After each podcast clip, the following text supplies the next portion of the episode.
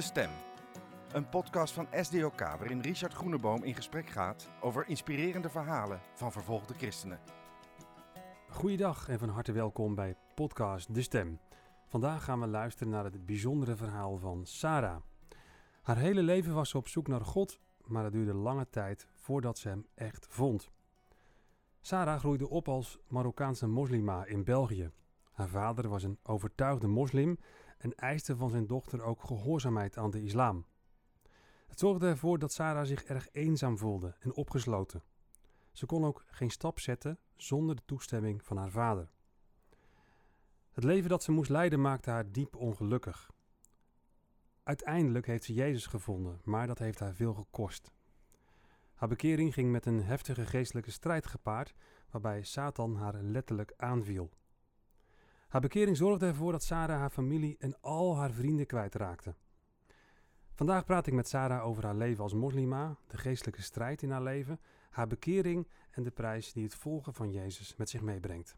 Sarah Rodriguez, welkom. Hallo, hallo, Ja, dank u.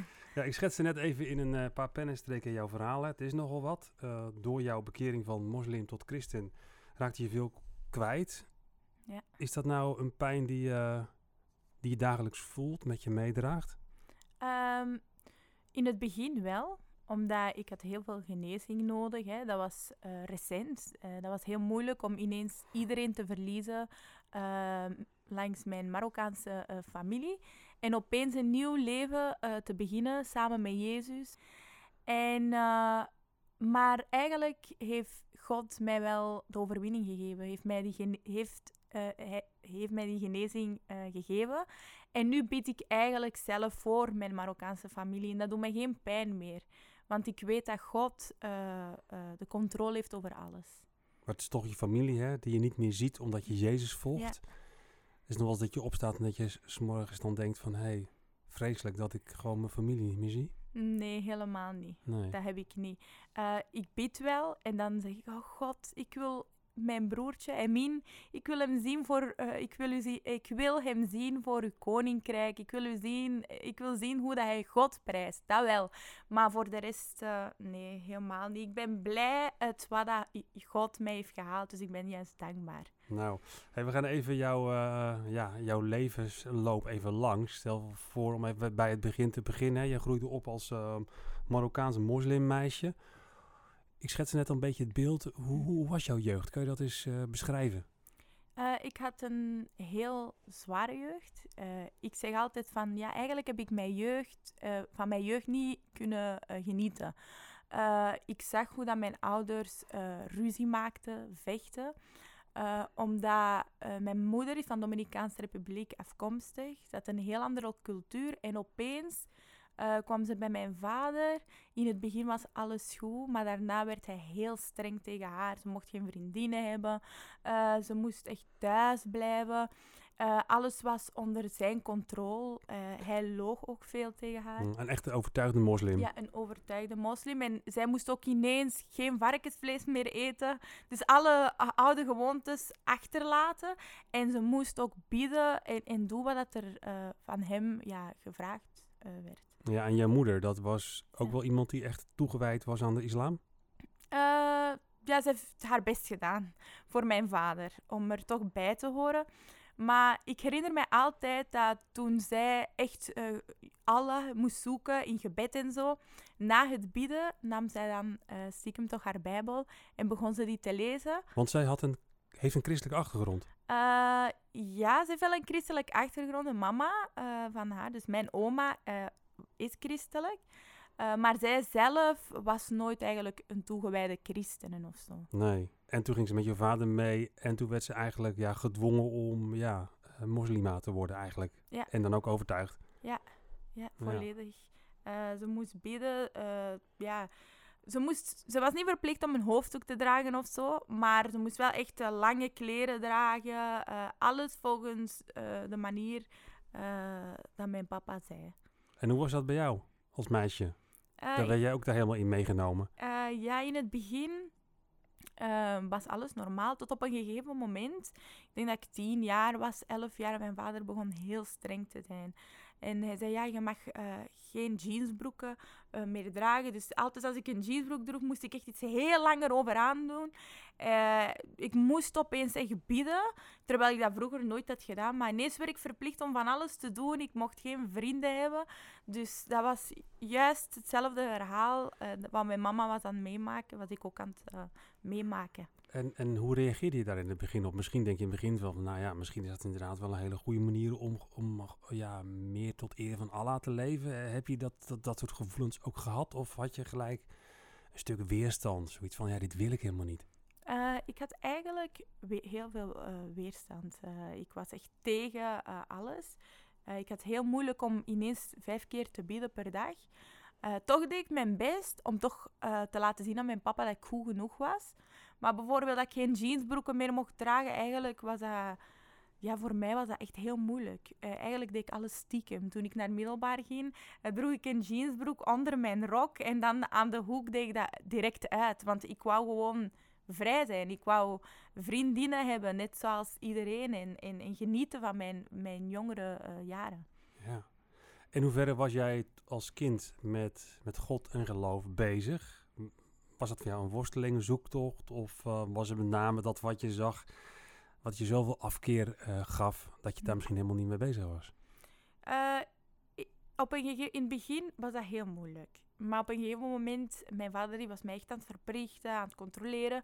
En dan dacht ik, nee weet je, ik ga echt mijn best doen om toch Allah te zoeken. En ook bijvoorbeeld de ramadan, te vasten, dat, dat deed ik mee en zo. Tot op een bepaald moment voelde ik mij zo eenzaam, zo gesloten, omdat mijn vader had de controle over alles. Uh, qua school, uh, als, als, ik op de weg, onderweg ben. Uh, die waren mij altijd aan het controleren. Een detectieve die hij had ingehuurd om mij te volgen. Detectief? Ja. En ik werd zo beu dat ik zei van... Ja, nee, maar wat, wat voor geloof? Wat, allez, wat voor geloof heb ik? ik ben aan het bieden, maar ik voel geen liefde. Ik voel niet dat alle mij is aan het helpen of zo. En ik voelde mij heel depressief. En uiteindelijk heb ik dat gewoon allemaal gelaten. En dan hier begon echt de strijd met mijn vader. Dat.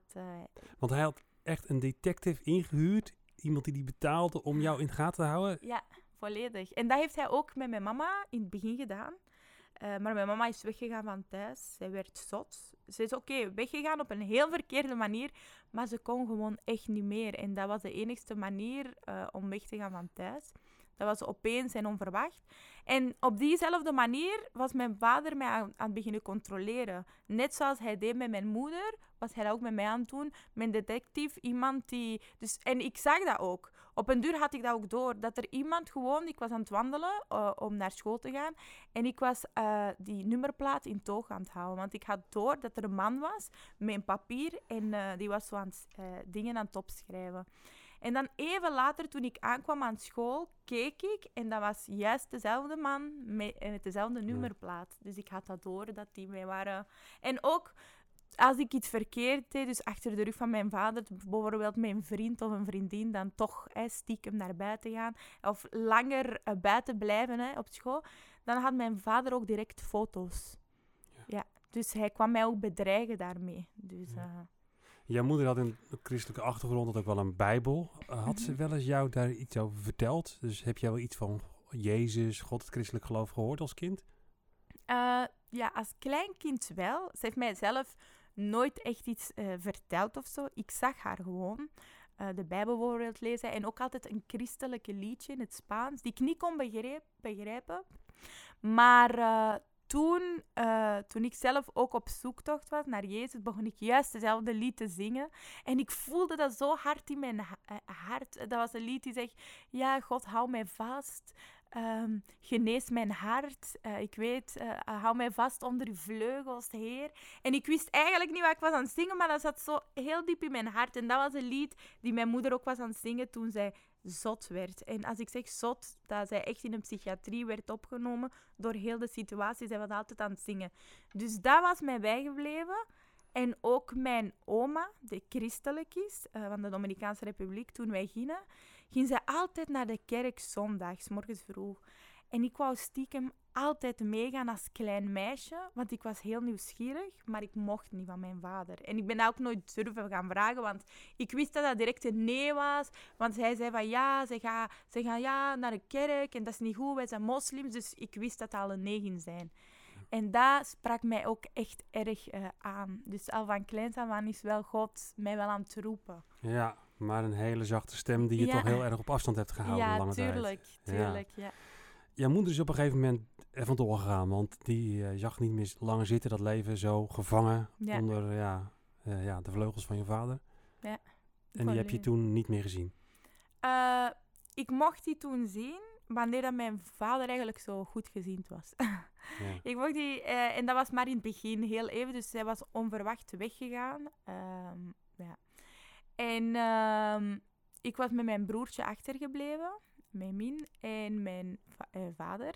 En ik moest ineens alle, allee, zo de moeder zijn van thuis, dus alle verantwoordelijkheid opnemen. En toen bijvoorbeeld kwam mijn moeder ook altijd bellen of zo. en Wij mochten niet open doen omdat mijn vader in die tijd ons ook was aan brainwatchen. Van ja, uw moeder, ja, dat is, kijk wat ze heeft gedaan, dat is een stuk vuil. En heel, heel erge dingen over mijn moeder was gaan vertellen en wij begonnen dat te geloven. En eh, ik herinner mij wel dat ik had wel eh, af en toe contact met mijn moeder. Want zij was ehm, met een vrouw in contact gekomen die ook christelijk was. En die eh, heeft haar dan uitgenodigd naar een Braziliaanse, een christelijke kerk. En op een dag nam mijn moeder mij ook mee. Eh, mijn vader wist wel dat we naar buiten gingen, maar die wist niet echt dat we naar die, naar, dat we naar die kerk gingen. En eh, ja, ik zat daar, ik sprak geen Portugees. Ik Hoe sprak, oud was je toen?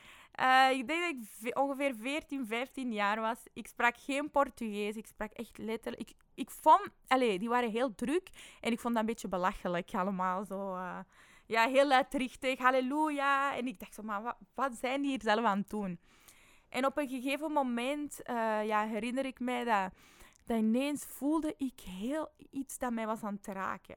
Op dat moment, ik wist niet dat het de Heilige Geest was. Eh, ik wist ook niet dat hij zich zo manifesteerde met zoveel liefde. En ik begon te huilen, te huilen, te huilen. En die dag had ik dan Jezus aanvaard. Ja. Eh, en eh, die hadden mij ook een Bijbel cadeau gegeven. En ik ging heel gelukkig naar huis. Maar, dan, maar dan vanaf die dag had ik ook geen contact meer met mijn moeder. En ik was ook altijd stiekem de Bijbel aan het lezen. Eh, maar mijn vader heeft die gezien en die heeft dat direct in de vuilbak gegooid. Hij was alles te weten gekomen. Want bij mijn vader ontsnap jij aan niks. Nee. Hij komt altijd alles te weten. En hij was ook boos toen hij Ja. hoorde dat je naar die kerk ja, was hij geweest. was boos. Hij was boos. Maar hij zei gewoon van ja, wij zijn moslims en, en, en, en klaar. En je moet eh, dat, wat die zijn aan het doen, die zijn allemaal zot. Dat is niet waar eh, wat je hebt gevoeld enzovoort. En bracht je dat ook weer aan twijfelen toen? Over Eh, dat gevoel wat jij daar had ervaren in die kerk? Ja, toen begon ik te twijfelen. Eh, ik begon eigenlijk... Maar ik vroeg mij ook altijd af, maar wat is wat, wat ik eigenlijk heb gevoeld? Want niemand zei tegen mij dat de Heilige Geest zich zo manifesteerde in die kerk. Omdat, ja, die, die spraken allemaal Portugees. En die, die waren ook zo verrast dat ik zelf was aan huilen en zo. Dus allee, die hadden dat eigenlijk niet verwacht. Maar eh, ik, ik vroeg mij eigenlijk altijd af, eh, gedurende jaren, van wat is eigenlijk wat ik heb gevoeld in die kerk? Want dat had mij wel een zaad gelaten in mijn hart. Een vrucht van Jezus had ik in mijn hart. En ik zeg van, maar wat is dat? En ik kon dat nooit beschrijven. En ook al zat ik in een heel zware dieptepunt, eh, vroeg ik me altijd af van, ja, die ene keer in de kerk, wat was dat? Ja. En ik begon dat ook te vertellen aan mijn vriendinnen die zogezegd ja, christelijk waren hè, in, op school. En die zeiden, ja, eh, wat jij toen voelde, ja, dat was God. Maar ik dacht, dat was God? En, maar ik kon dat geen plaats geven. Dus, maar ik was wel altijd aan het twijfelen. Ja. Dat zat En- altijd in mijn hart. Ja. En hoe is dat toen verder gegaan? Hè? Jan, toen eh, zag je je bij je vader, die gooide die Bijbel weg. Eh, je zit daar nog steeds in een soort ja, gevangenis eigenlijk. Hè? Mhm. Ja. En je vader die alles eh, onder controle houdt. Mhm. Hoe is het toen verder gegaan? Toen heb ik gezegd van ja, weet je, mijn mama is toch weg. Ze heeft haar eigen leven. Dus ik was ook heel boos. En ik was aan het denken van ja, ik ben hier met mijn vader en ik moet het beste van maken, ook voor mijn broertje. Dus eh, ik dacht van ja, nee, ik ga, weet je, ik ga gewoon mijn best doen om een goede moslima te zijn. En eh, gewoon eh, heel het christendom achter de rug laten. Dus, en dan was ik zelf ook van, ja, waarschijnlijk waren dat gewoon mijn gedachten en klaar. Dus ik ging er echt van uit van, nee, ik ga wel een moslima zijn en, en, en dat was het. Ja. Dus ik heb echt mijn best gedaan om, ja, om, om dat mijn vader echt vooral trots was op mij. Ik heb dat vooral gedaan voor hem en niet voor mij, mezelf. Ja, dat nam je voor, maar eh, Ja. je zit hier nu om je getuigenis te geven, dus er is wel wat gebeurd. Ja, ja. Eh, Wanneer is dat dan een keerpunt gekomen? Dat je toch dacht bij jezelf, ja, de islam is het niet. En een leven zonder God, ja, wil ik eigenlijk niet meer. Hoe, is dat gegaan? Eh, ik begon heel, heel, e- mij heel eenzaam te voelen, heel depressief. Ik, dacht, ik dacht dat er gewoon geen uitweg meer was in mijn leven. Eh, ik was altijd opgesloten, om het zo te zeggen, thuis. Ik, ik had te leven van school naar huis. Van huis naar school. En in het weekend naar mijn oma en opa. En dat was het. En ik, ik, ik dacht van, ja, maar ik wil vrijheid. Iedereen heeft vrijheid. Iedereen kan naar buiten gaan genieten. Ik wil dat ook hebben. En toen op een gegeven moment was ik zo depressief geworden dat ik heel zware demonische aanvallen eh, had op mijn kamer. Dat ik- Demonische aanvallen? ja, ik begon van allerlei dingen te zien. De eerste keer dat ik echt eh, zoiets heb meegemaakt, was toen eh, ja, ik, ik lag op bed. Hè, ik, was, ik was heel verdrietig, ik was altijd aan het huilen en zo. Eh, ik lag op bed en ineens, allee, ik had mijn ogen toe, en ineens voelde ik dat iets mij was aan het tikken, aan het aanraken in de nacht. Iets wat je niet zag. Ja, iets dat ik helemaal niet kon zien. En ik voelde zo'n kracht en ik dacht dat dat mijn broertje was. Ik dacht dat dat Amin was, die gewoon, die gewoon vervelend kwam doen in de nacht, hè, om mij te pesten of zo. En eh, ik sloeg zo, ik zei, ja, Amin, laat mij. En toen ik dat heel tijd was aan het zeggen, van Amin, laat mij. En ik was zo aan het slagen om hem te raken, raakte ik helemaal niks. En ineens voelde ik dat, dat, die, dat, dat die demon, of wat dat ook was, die pakte een kussen en die legde dat op mijn hoofd. En ik begon ineens het gevoel te hebben dat ik dood ging gaan, dat ik was aan het stikken. En ik was, ik was in een paniek aan het geraken. En toen, en toen heeft hij mij gelaten. En beseft jij wat er moment. gebeurde? Want er zitten nu misschien heel veel mensen te luisteren die denken, Ja. wat is dit voor een verhaal? Ja. Eh, dingen die ik niet zie, demonen, is een hele andere wereld.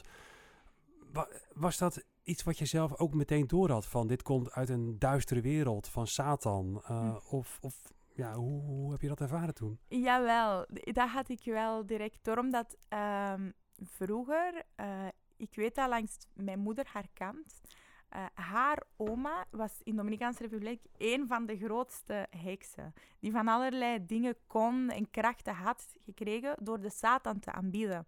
Dus dat was al een deur eigenlijk dat open stond in mijn familie. Mijn moeder zelf kon ook kaarten lezen. En langs mijn vaderkant i- in de islam, dat is gewoon een heel demonische eh, geloof, waarvan zij geloven in eh, de witte magie, de goede magie, in plaats van de zwarte. En daar hielden jouw ouders zich ook mee bezig? Ja, en dat hadden zij ook heel vaak gedaan. Jawel, daar hielden ze zich mee, heel me- veel mee bezig. Tot als mijn vader en mijn moeder echt uit elkaar gingen. En dat mijn vader ging zogezegd ja, de islam alleen eh, ja, opzoeken als uitweg. En hij ging niet meer naar, zo'n, naar een vrouw eh, die dan zo die soort eh, ja, hekserijen eigenlijk deed. Eh, maar dat heeft wel de legaliteit gegeven aan de demonen om mij dan wel toen aan te vallen. En dat is waar ik eigenlijk heel zeker van ben, dat dat het, het was. Dat dat eigenlijk, hè, want in de Bijbel is dat, staat dat ook dat wij van generatie op generatie, ja, dat die demonen kunnen aanvallen. En dat is wat ik heb meegemaakt. Maar ik probeer eventjes dat voor te stellen. Je ligt daar in bed, hè? Mhm. Opeens heb je het idee dat, dat tegen je getikt wordt, een kussen op je hoofd wordt Ja. gedrukt. Ja, dat lijkt me vreselijk beangstigend. Ja, ja, nee, ik wist in het begin, ik dacht, oh, wat is dat? Ik begon te huilen, ik was heel bang, ik dacht dat ik, ging, dat ik dood allee, ging. En dat was ook echt een paar keren geweest, niet, niet alleen mijn kussen, maar dat ik echt zo, eh, ja, dat die kwamen drukken op mijn borstkas. Eh, dat was heel, op, allee, dat waren echt heel veel keren gebeurd. En dan op een gegeven moment zei ik van, ja, eh, weet je, ehm, doe mij niet meer pijn. Ik aanvaar u in mijn leven, jullie mogen doen wat jullie willen, maar doe mij niet meer pijn. Dat zei je tegen die demonen. die Ja, jou dat heb ik gezegd. Ja. En op een gegeven moment, die deed mij he- helemaal geen pijn. Maar ik voelde wel die aanwezigheid. Dat deed maar, die deed me geen pijn. Maar ik werd wel meer en meer depressief. En ik, ik, ik dacht dat ik zot was. Ik dacht dat ik in een psychiatrie ging belanden. Dus het stopte toen wel toen je dat zei van nou, laat me met rust. Maar dan ga ik, dan volg ik jullie eigenlijk. Dat is Ja, wat je zei. En toen stopte het ook. Volledig, ja. Ja, eigenlijk wat ik heb gedaan is eh, ja, een soort belofte of zo eh, maken met hun. Van doe me niet meer pijn, maar ik ga wel, ik aanvaard jullie mijn leven. Ja. En dat, die hebben mij ook niet meer pijn gedaan, fysiek. Maar die hebben mij wel mijn leven gewoon meer en meer verpest, eh, emotioneel. eh. ik dacht echt dat ik ofwel dood ging, ofwel, ehm, ofwel in een psychiatrie ging belanden. En dat is wat ik ook een keer tegen mijn nicht had gezegd. Ik had een lievelingsnicht zo gezegd. En ik zei, als ik niet wegga van thuis, ga ik belanden in een psychiatrie of zot of dood. Ik heb hulp nodig, zeg ik tegen haar. En ze zei, ja, nee, maar zeg dat toch niet. En ik begon mijn ervaring, begon open te praten over mijn ervaring. En ze zei, nee, nee, maar, ja, maar luister de Koran. Ja. Dus ik heb dat ook tegen mijn vader gezegd. En ik moest heel de nacht de Koran aanzetten, maar dat hielp zelf niet. Dus ja, uiteindelijk, ja, ik zit hier wel. Dus Ja, er is een keerpunt gekomen. ja, er is een keerpunt gekomen. Ik weet dat op een gegeven moment eh, hoorde ik echt die demonen, op een, eh, dat was een nacht, dat die zei, ja, sta op, eh, pak een mes en vermoor eerst uw vader, uw broertje en daarna uzelf. Je hoorde echt een, een duidelijke stem in je een hoofd. duidelijke stem in mijn hoofd, dat was heel duidelijk. En ik keek in de spiegel en ik was gewoon zo bang. Zo bang dat ik was. En ik had Want je ook was echt- ook echt, je bent het bed uitgegaan. ik had die mes, ik had alles. Je Ja. was ook echt van plan om dat te gaan doen. om dat te gaan doen. Dat, dat is een, was een heel zware stem dat ik hoorde en dat had precies, ik weet niet, macht of controle over mij. En, maar diep van binnen wist ik dat ik dat niet kon doen. Dus je hebt wel je, bewust, eh, ja, je bewustzijn als, als mens, dat je zegt van nee, wat is dat? Maar dat was iets dat ineens, de een soort duisternis die over mij kwam en die had gewoon de controle. Maar langs de andere kant had ik ook, hoorde ik ineens een stem en die zei tegen mij, herinner jij nog wanneer jij 15 jaar was, hè, ongeveer, eh, wat er in die kerk was gebeurd? Die zei, dat was ik. eh, Jezus, dat was ik, dat was echt. Wat dat jij voelde, dat was echt. En hoorde ik echt een hoorbare Ja, stem. ja, en ik kon opeens terug herinneren hoe dat ik daar in die kerk stond te huilen en die liefde in mijn hart. En heb ik die mes laten vallen en ik begon te huilen, te huilen, te huilen. Ik zei, kijk, als jij Jezus echt bent, laat mij dan gewoon zien. Laat mij, help mij. Ik zeg, ik wil bevrijd zijn van deze situatie. Ik wil weggaan van deze huis. Ik zeg, ik kan hier niet meer leven. Ik zeg, leid mij naar een goede kerk. Iemand die mij goed kan opvolgen. En ik zei ook, ik wil ook een Bijbel. En ik wil gedoopt worden in de grote vakantie. En het was daar kort voor. eh. Ja, echt waar. Toen ik dat allemaal had gevraagd, echt een paar dagen of een week later, stonden die voor mijn school gewoon gratis bijbels uit te delen. En dat was alleen maar over het Nieuwe Testament, dus over Jezus. En ik dacht, wauw. En ik had ook zo ineens twee gepakt. En dan begon ik de Bijbel te lezen in mijn kamer. En ik voelde een stem die zei, je moet drie dagen vasten. En ik dacht, maar hoe ga je drie dagen vasten? Want ik dacht dat, dat de christenen hè, in die tijd, dus eh, dat de christenen hetzelfde vasten als, eh, als de moslims. Dus zoals de ramadan en dat jullie dan gewoon zo'n hele dag vasten. Maar toch gingen jullie naar school of werken en dat kon allemaal. Maar dat was eigenlijk niet zo. Ik had dus helemaal geen idee. En ik dacht, oké. Dus ik was dan zo iets aan het plannen van, ja, oké, ik ga zeggen tegen mijn vader dat ik nog drie dagen Ramadan moest inhalen van die tijd. En dan ging ik zo'n excuus vinden om toch te vasten, zo gezegd. Maar dan had ik dat even gelaten en dan later hoorde ik ineens zo'n stem die zegt, ja, eh, zoek contact met je broer. Eh, Christian, die zegt, zoek contact met hem. eh, en eh, ja, praat met hem. Want je had geen contact meer met ik je had broer. geen contact meer met mijn... Het is eigenlijk mijn halfbroer. Hij was ook ineens weggegaan met mijn moeder.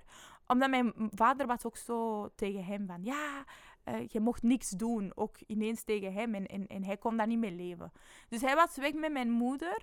Ik had jaren, dus ja, zes, zeven jaar geen contact ook met hem. En ik ging dus... ik stuurde hem. En hij begon dan direct over Jezus te praten.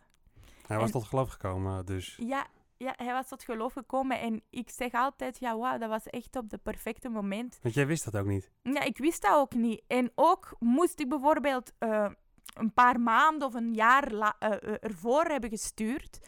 Eh, zat hij, ja, hij had problemen, eh, heel zware problemen, emotioneel ook. En, en hij zat ook ja, met verslavingen en zo. Dus toen ik op dat moment, toen ik op die moment hem stuurde, was hij dan echt al tot Jezus gekomen. Dus God die weet wel, de, allez, de tijd van God is altijd perfect. Ja, je had me een berichtje Ja. gestuurd via WhatsApp of wat dan Ja, via eh, Facebook, via. Messenger was ik hem aan het zoeken. En ja, ik heb hem gestuurd en hij was heel blij. En we hadden ook ineens afgesproken voor eh, de dag erna om elkaar te zien. Want mijn vader dacht dat ik toen ziek was, dus ik had een doktersattest. Maar ik had er eigenlijk twee, dus van maandag tot woensdag, eentje van donderdag tot vrijdag. En die van donderdag en vrijdag wist hij eigenlijk niet. Dus ik zei tegen hem, ja, ik ga gewoon naar school, ik ben terug eh, genezen. En, eh, maar die dag ging hij mij spe- speciaal afzetten waar dat ik eigenlijk stage moest gaan doen. En ik dacht, oh nee. En ik was heel zenuwachtig en bang, want ik dacht dat hij dat eigenlijk allemaal wist. Want hij komt altijd alles te weten. Want die detectieve die kan ook mijn Facebook hacken, WhatsApp. Dus ik had niks van privacy. Dus ik was heel bang in de auto, maar ik deed alsof dat er helemaal niks was. En toen hij mij afzette, was ik snel het toilet binnengelopen en ik heb daar echt een uur gezeten. Toch voor de zekerheid, want ik weet dat mijn vader echt in staat was om daar te parkeren en dan te blijven wachten. En daarna ben ik weggegaan, heb ik hem ontmoet en hij begon over Jezus te praten. En dan hier heeft hij gezegd, ja, wil je met mama praten? En dan waren wij zo gaan praten via telefoon. En dan hadden we ineens afgesproken ook voor vrijdag. Hij zei, ga maar gewoon terug naar huis, alsof dat er niks is gebeurd en dan zien we elkaar vrijdag. Ja, om je moeder ook te ontmoeten. Ja, om mijn moeder te ontmoeten. Want die was ook christen geworden. Ja, ja, zij was... Christen, Ja, ja. volledig. Ze is eh, ja, oprecht eh, een toegewijde christen en volledig met heel haar hart. En zij is degene die eigenlijk bleef... eh, zij was eigenlijk tot geloof gekomen en dan was ze aan het bieden, aan het bieden, aan het bieden voor haar kinderen. En dat die ook tot geloof eh, komen. Dus dat, was eigenlijk, dat is eigenlijk een belofte dat God heeft gemaakt met haar zelf. Dat al haar kinderen tot Jezus komen. En ik ben al één van. En Christian is er ook al.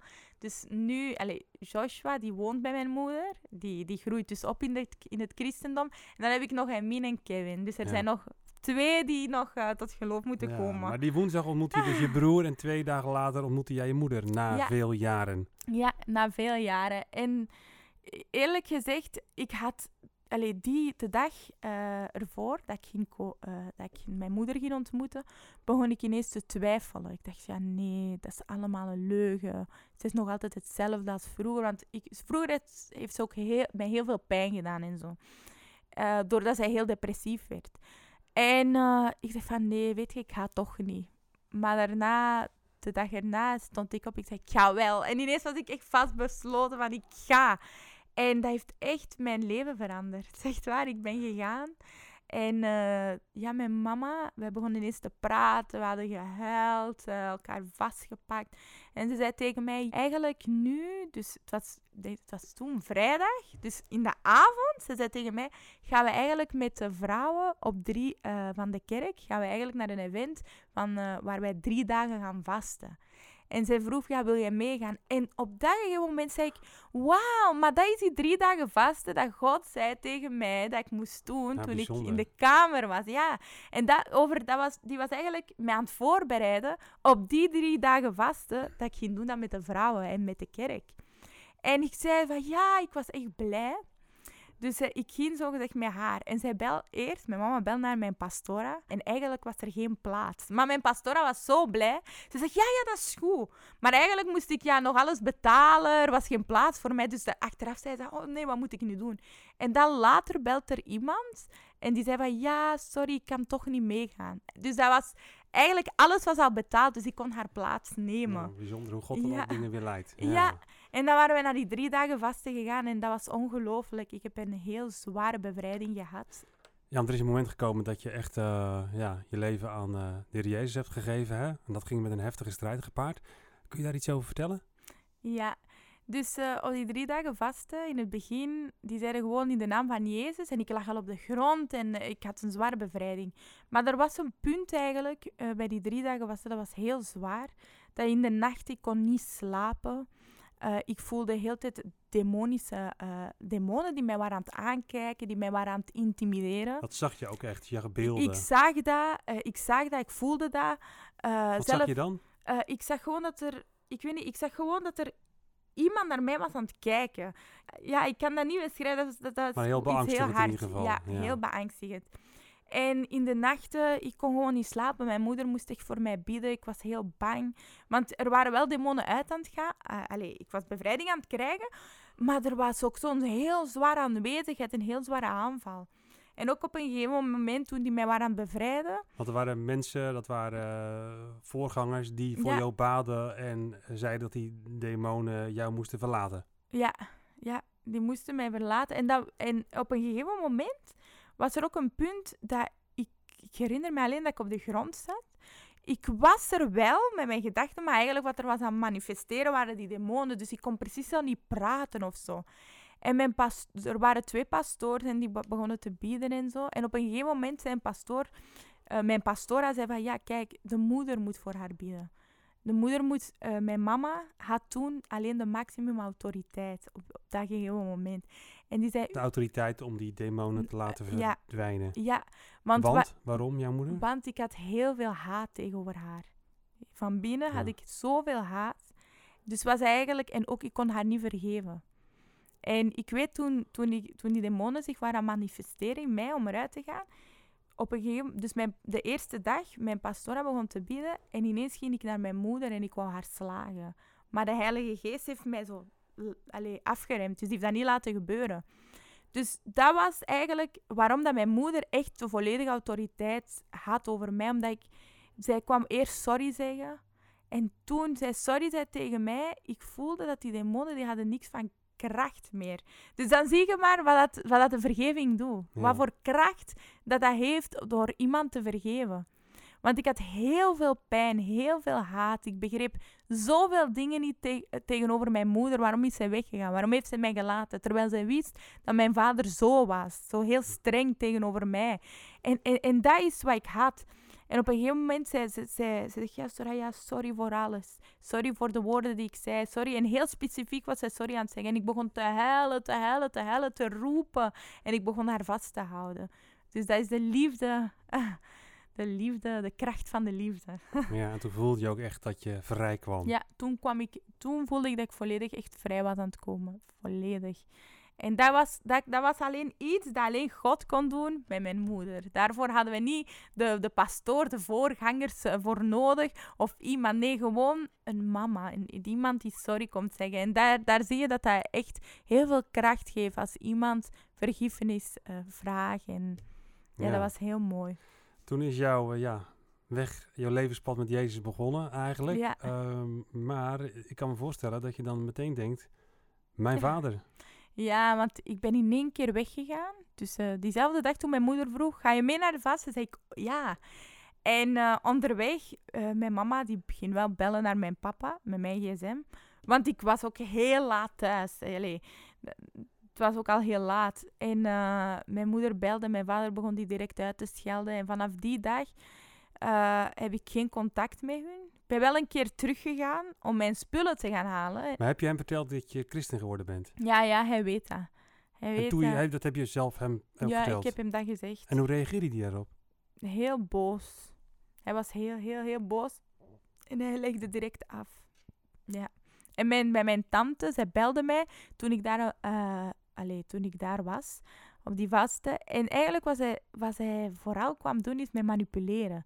Van ja, maar dat is toch niet de manier waarop dat je naar huis, allee, dat je ineens van huis gaat. Dat is toch niet de manier, je kon tegen ons praten.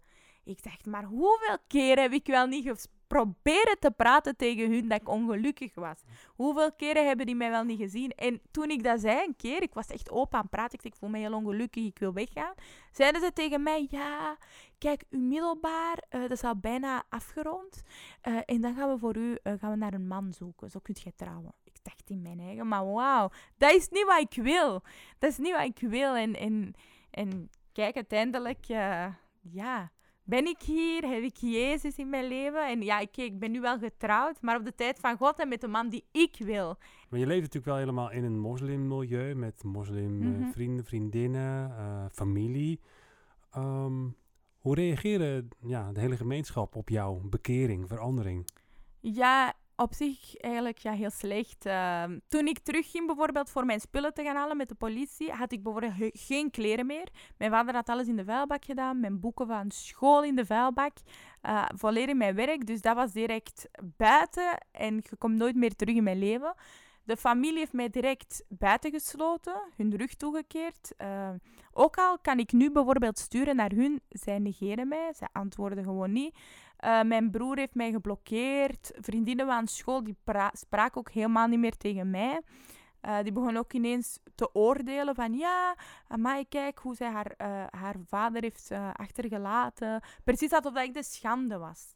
Maar zij, maar de, met de vriendinnen die ik dan wel had, die waren wel heel vrij. Die mochten doen wat die willen met hun leven. Gezien en dan komen die wel zo met kritiek Ja, tegenover ja, ja, mij. Dus ja. Ook wel negatieve opmerkingen maken over het christelijk geloof, christendom ook. Eh, ja, ja, heel veel. Ehm, via Facebook, Instagram, zeiden ja, jij vuile stuk eh, dingen met je geloof. eh, Ja, ja. ja, die waren er heel... allee, die waren er tegen. En mijn vader nu, ja, vooral... Allee, ik ben weggegaan van thuis, dat is al één ding. Nu ben ik nog eens christelijk. En ben ik nog eens getrouwd met een man die ik wil. En heb ik contact met mijn moeder. Dus dat is echt een Ja, dat reden... kan niet voor hem. Ja, voor hem kan dat gewoon niet. Dat gaat gewoon helemaal niet. Ja. Echt waar. Dat is tegen al zijn principes. Ja, dus je bent ook veel mensen kwijtgeraakt waar je wel ja, van hield, waar je goed contact mee had. Ja. Kijk, met je vader, die, die relatie was problematisch. Hm.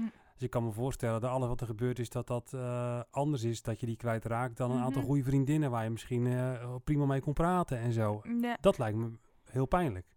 ja, op zich, ik zeg altijd op een gegeven moment, dat was gewoon God in mij die mij heel veel troost gaf. Dat mij dat eigenlijk niet echt raakte. Nee, nee. Nee. Wat, ik wel heel moeilijk was, is om terug te keren naar school. Ik heb mijn eh, diploma eigenlijk niet afgemaakt. Ja, wat voor opleiding deed je? jeugd- en gehandicaptenzorg. Dus ik deed technische op school. En ik moest maar een paar maanden terug doen. Allee, eh, nee, een paar maanden eh, doen om mijn diploma te halen. Maar op een gegeven moment, dat was veel te zwaar. Ik ging naar school. ehm, ja, ik had ook familie op die school en die spraken, die keken mij aan, maar die spraken mij helemaal niet aan. Die waren me negeren. Dus ik had dat heel moeilijk op dat gebied. Eh, de rest, ja, zo de vriendinnen die zo ineens begonnen ja, kritiek te geven of, of mij slecht aan te kijken, dacht ik van ja, oké. Eh, dat, was, dat was al moeilijk. Eigenlijk wat ik moeilijker vond, is dat bijvoorbeeld mijn neven, mijn broertje en Mien, dat die niet meer tegen mij spraken. Dat wel. Want ik had een heel sterke band met hun. En doordat ik nu, bij, doordat ik nu tot Jezus ben gekomen, en een andere leven heb, eigenlijk hebben die mij gewoon vooral genegeerd en, en klaar. Want die luisteren en die doen eigenlijk alles wat dat mijn vader zegt.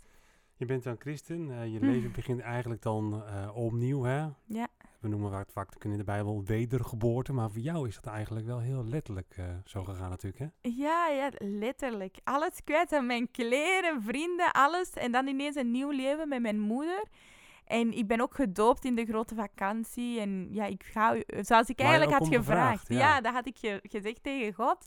En dat was ook echt... En ik heb een heel mooie do- doop, eigenlijk een doping gehad. Eh, toen ik gedoopt werd, werd ik ook ineens... Ik was, in, ik was altijd aan het vragen aan God van... Kijk, God, ik wil gedoopt worden in water, maar ook door uw Heilige Geest. En ik wil dat dat heel speciaal is. En die dag toen die mij in het water deden en eruit begon ik ineens in tongs te praten.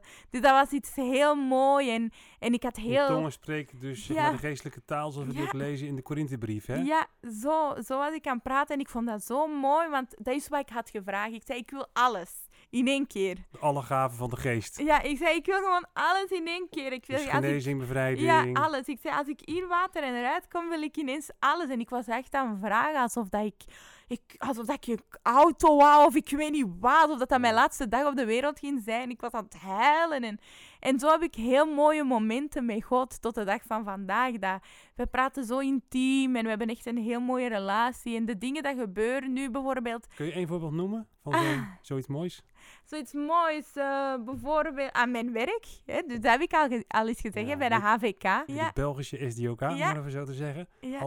Als secretaresse? Ja, als secretaresse, maar eigenlijk is dat wel heel gevarieerd, mijn werk. Dus zowel bezig met de mensen, hè, vooral hier in België, eh, als de social media en nu ook gewoon bijvoorbeeld mijn getuigenis eh, vertellen. Ja, dat is ook wel bijzonder dat je nu werkt voor een organisatie die opkomt voor mensen zoals jijzelf. Ja, en dat is wat ik. Dus dat is dus een van de ervaringen die ik heb. Dat ik zei tegen God: Oh God, ik weet dat ik bijvoorbeeld mijn diploma nu niet heb. Hè, maar ik ga die wel halen. Dat staat wel in mijn lijst. Hè. In november ga ik me inschrijven. Maar ik zei. Eh, ik zei van, oh god, maar ik wil echt een leuke werk. Ik wil een werk hebben voor, eh, waarin, waarbij ik eigenlijk christenen kan helpen die het heel moeilijk hebben. En ook zo die ongeveer dezelfde situatie meemaken als mij. En dat ik ook hun kan helpen. En ik wil voor u dienen. Ik wil een werk. Ik wil niet zomaar een werk hebben hier in de wereld. Eh, van ja, dat ik gewoon moet werken in een fabriek of zo, want zonder diploma. En op een gegeven moment eh, droomde ik dat ik echt in de administratie ging werken. Dat die mij zomaar ook echt gingen aannemen. Dat, dat die mij gingen aannemen om wie ik ben. Dus om mijn hart en niet om de diploma. En ik dacht, wauw. Maar ja, wa- waar zou dat dan zijn? Dus ik begon overal te solliciteren in de administratie. Want ja, ik dacht van, ja, ik moet toch iets doen, hè. En die zeiden nee, nee, nee. Overal was dat nee. En zelf in de fabrieken, zelf kuisen of zo, poetsen, dat was ook al een nee. Dat was gewoon, alles was een nee. Dus ik dacht, oh nee. En ik begon echt mij te stresseren, want er moest wel geld binnenkomen. En dan op een gegeven moment, mijn pastora, die stuurt de vacature van de HVK, dus Hulp aan de Verdrukte Kerk. En ik zeg, wauw, dat is het dus. En echt waar. eh, eh, ik moest eerst zo een ronde doen en die hadden me daarna, allez, ik was erdoor. Eh, en daarna de- hadden die mij hier uitgenodigd. En eigenlijk, eh, de directeur van de HWK, die wist eigenlijk dat hij mij niet ging aannemen, maar die waren wel geïnteresseerd om mij te horen. Tot als ik kwam, eigenlijk wist ik wel dat ik ging aangenomen worden, want ik voelde dat zo sterk van de Heilige Geest. Maar ik zweeg, want ik dacht van, ja, ja stel je voor dat ik zo te blij ben of te gemotiveerd. En toen ik hier kwam, eh, zij begonnen mij vragen te stellen en ik begon echt heel vloeiend alles supergoed te antwoorden, maar heel vlot. Ik zelf, ik verschoot dat ik ineens zo goed kon praten. Hè. Ja, dat kende je zelf ja, eigenlijk niet. ja, ik dacht, wauw. Maar ik Ja. weet zelf dat dat de Heilige Geest was in mijn hart. Echt waar, ik voelde dat. En daarna was ik naar buiten gegaan en zo. En toen, daarna, dus een paar dagen later, eh, belde Joas mij, mijn directeur, en die zei van, ja, ehm, eh, eigenlijk hebben wij u gekozen, eh, want eh, ja, je hebt iets heel speciaals in u. We kunnen de passie zien die jij hebt voor in God. En ik dacht, wauw. En dat is dus eigenlijk wat hun heeft eigenlijk aangesproken van mij. Want er waren andere kandidaten die eigenlijk echt geschikt waren. Eigenlijk veel beter, ook met hun diploma. Maar zij hadden iets speciaals in Ja. mij gezien. En dat is dus wat God God had, doet. had allemaal voorbereid. Ja, ja. dus ik ben heel blij. Heel bijzonder verhaal. eh, heel indrukwekkend getuigenis ook wat je geeft. Mm. Als je nou in ehm, één zin zou moeten samenvatten wat nou het belangrijkste verschil is tussen je leven vroeger en je leven nu, wat zou je dan zeggen? Eh, Nu, Jezus. Volledig Jezus die mij... Ja, ik ben gelukkig. Eh, In Jezus, dat is heel belangrijk. Want er gaan altijd situaties, moeilijke situaties komen in je leven. Dat is normaal. Hè? Het is niet dat je ineens christelijk bent en je leven is makkelijker. Maar je hebt een uitweg. En je hebt iemand die altijd voor je klaar staat. En dat is Jezus. En die gaat wel de dingen, die gaat je wel de kracht geven om er door te, door te lopen, door te gaan. En dat is iets heel mooi. Leren Dankjewel, loslaten, ja. Sarah Rodriguez, voor het delen van jouw bijzondere getuigenis. En ik hoop eh, ja, voor een bemoediging van eh, veel mensen die naar deze podcast luisteren. Ja, ook eh, bedankt dat je weer hebt gekozen voor ja, deze podcast, De Stem. Ehm, als je deze podcast nou insp- je inspireert, dan is het fijn als je ons ook een waardering geeft via de podcast-app. Dan zijn we ook makkelijker terug te vinden voor andere podcastgebruikers. Voor meer info en verhalen verwijs ik je graag do- door naar onze website www.sdok.nl. Graag tot over 14 dagen voor een nieuwe aflevering van podcast De Stem.